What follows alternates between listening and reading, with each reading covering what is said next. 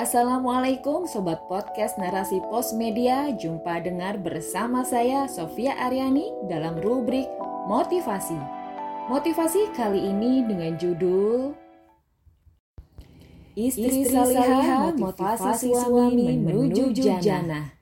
Karya ICT Nur Aini. Seorang suami yang sukses tentu karena ada dukungan yang maksimal dari istrinya. Tanpa dukungan dari istrinya, seorang suami belum tentu bisa sukses. Pernyataan ini disampaikan oleh Bupati Bandung Dadang Supriyatna dalam sebuah acara di Kecamatan Cilenyi pada Selasa 21 Desember 2021 lalu.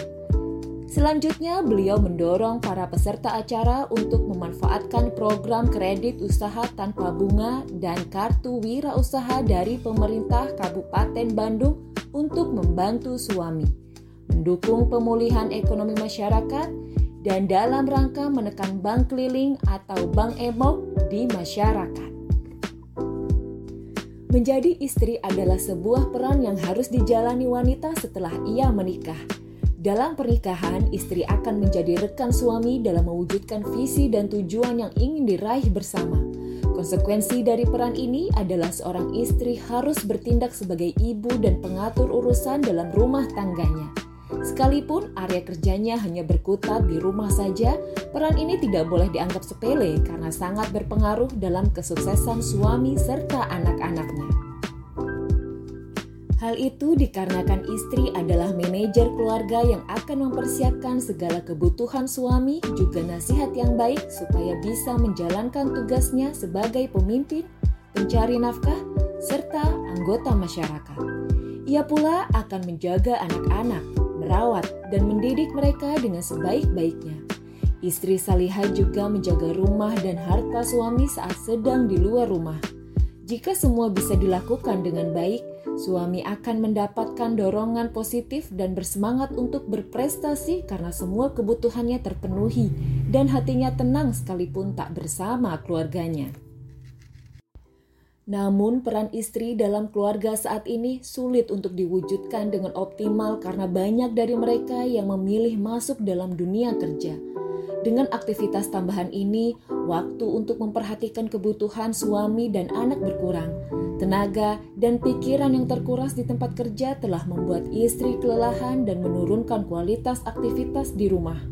Meskipun berat, wanita tetap melakukan pekerjaan di luar rumah dengan berbagai alasan seperti kebutuhan ekonomi yang mendesak atau stigma masyarakat yang memandang wanita karir lebih berharga dari sekedar ibu rumah tangga. Bahkan para feminis senantiasa menyatakan bahwa wanita harus mandiri secara finansial agar dianggap sederajat dengan para pria. Pemerintah juga memberikan motivasi tersendiri bagi wanita untuk bekerja dengan membuat berbagai program pemberdayaan perempuan. Aliran bantuan modal usaha begitu deras ditujukan pada wanita karena mereka dianggap ulet dan kreatif sehingga bisa menciptakan peluang usaha. Dengan program ini, Diharapkan para wanita bisa berdaya menghasilkan uang dan mampu membantu perekonomian keluarga.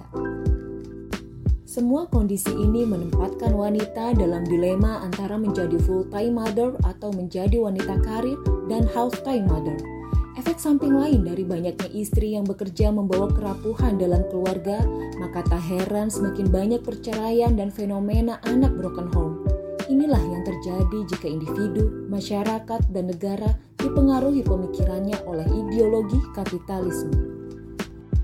Kapitalisme menjadikan materi sebagai tolok ukur kebahagiaan, karenanya orang kaya dianggap lebih berharga. Wanita karir lebih baik daripada ibu rumah tangga, tidak punya harta berarti sengsara, dan banyak pandangan salah lainnya. Maka tak heran jika manusia dalam sistem ini menjadikan materi sebagai tujuan perbuatan termasuk seorang istri, ketimbang harus menjadi ibu rumah tangga biasa, mereka lebih memilih menjadi wanita karir agar menghasilkan materi. Pandangan keliru ini seharusnya tidak terjadi pada negara berpenduduk mayoritas Muslim, karena dalam Islam, istri menyadari peran pentingnya sebagai ummu warubatul bait dan setiap aktivitasnya di rumah adalah jalan meraih pahala. Istri tak akan merasa kecil menjalani perannya karena Allah Subhanahu wa taala yang telah mengamanahkan tugas itu. Sebagaimana dalam sebuah hadis yang artinya dan seorang wanita adalah pemimpin di dalam rumah suaminya dan ia akan dipertanyakan bertanggung jawab atas kepemimpinannya. Hadis riwayat Al-Bukhari. Adapun masyarakat Islam tidak akan memandang rendah wanita yang tidak bekerja karena mereka telah memahami bahwa bekerja bagi wanita adalah hal mubah. Sedangkan menjadi istri dan ibu yang baik adalah kewajiban. Maka dari itu, Masyarakat tidak akan membeda-bedakan wanita bekerja dan tidak bekerja. Islam juga tidak akan membiarkan pemahaman keliru seperti feminisme berkembang di masyarakat. Karena wanita dan pria itu sederajat, yang membedakan hanyalah ketakwaannya. Selanjutnya, negara akan berusaha mendudukkan wanita pada tempat yang aman sehingga bisa menjalankan tugas utamanya. Wanita tidak akan didorong untuk bekerja, negara akan memastikan kebutuhan mereka tercukupi dengan memberikan lapangan pekerjaan pada para suami. Jika wanita tidak punya suami, kewajiban mencari nafkah akan jatuh pada ayah, paman, kakek, atau anak laki-laki yang telah dewasa. Jadi, wanita bisa mencurahkan seluruh waktu, pikiran, dan tenaganya dalam mendukung menasehati, dan mendampingi suami hingga sukses serta mendidik generasi terbaik. Selanjutnya, perlu perubahan sistematis untuk bisa mendudukan kembali istri pada fungsi utamanya. Adapun sistem saat ini tidak bisa merealisasikan hal itu karena asasnya justru bertentangan. Maka perlu penerapan Islam secara menyeluruh untuk mewujudkannya.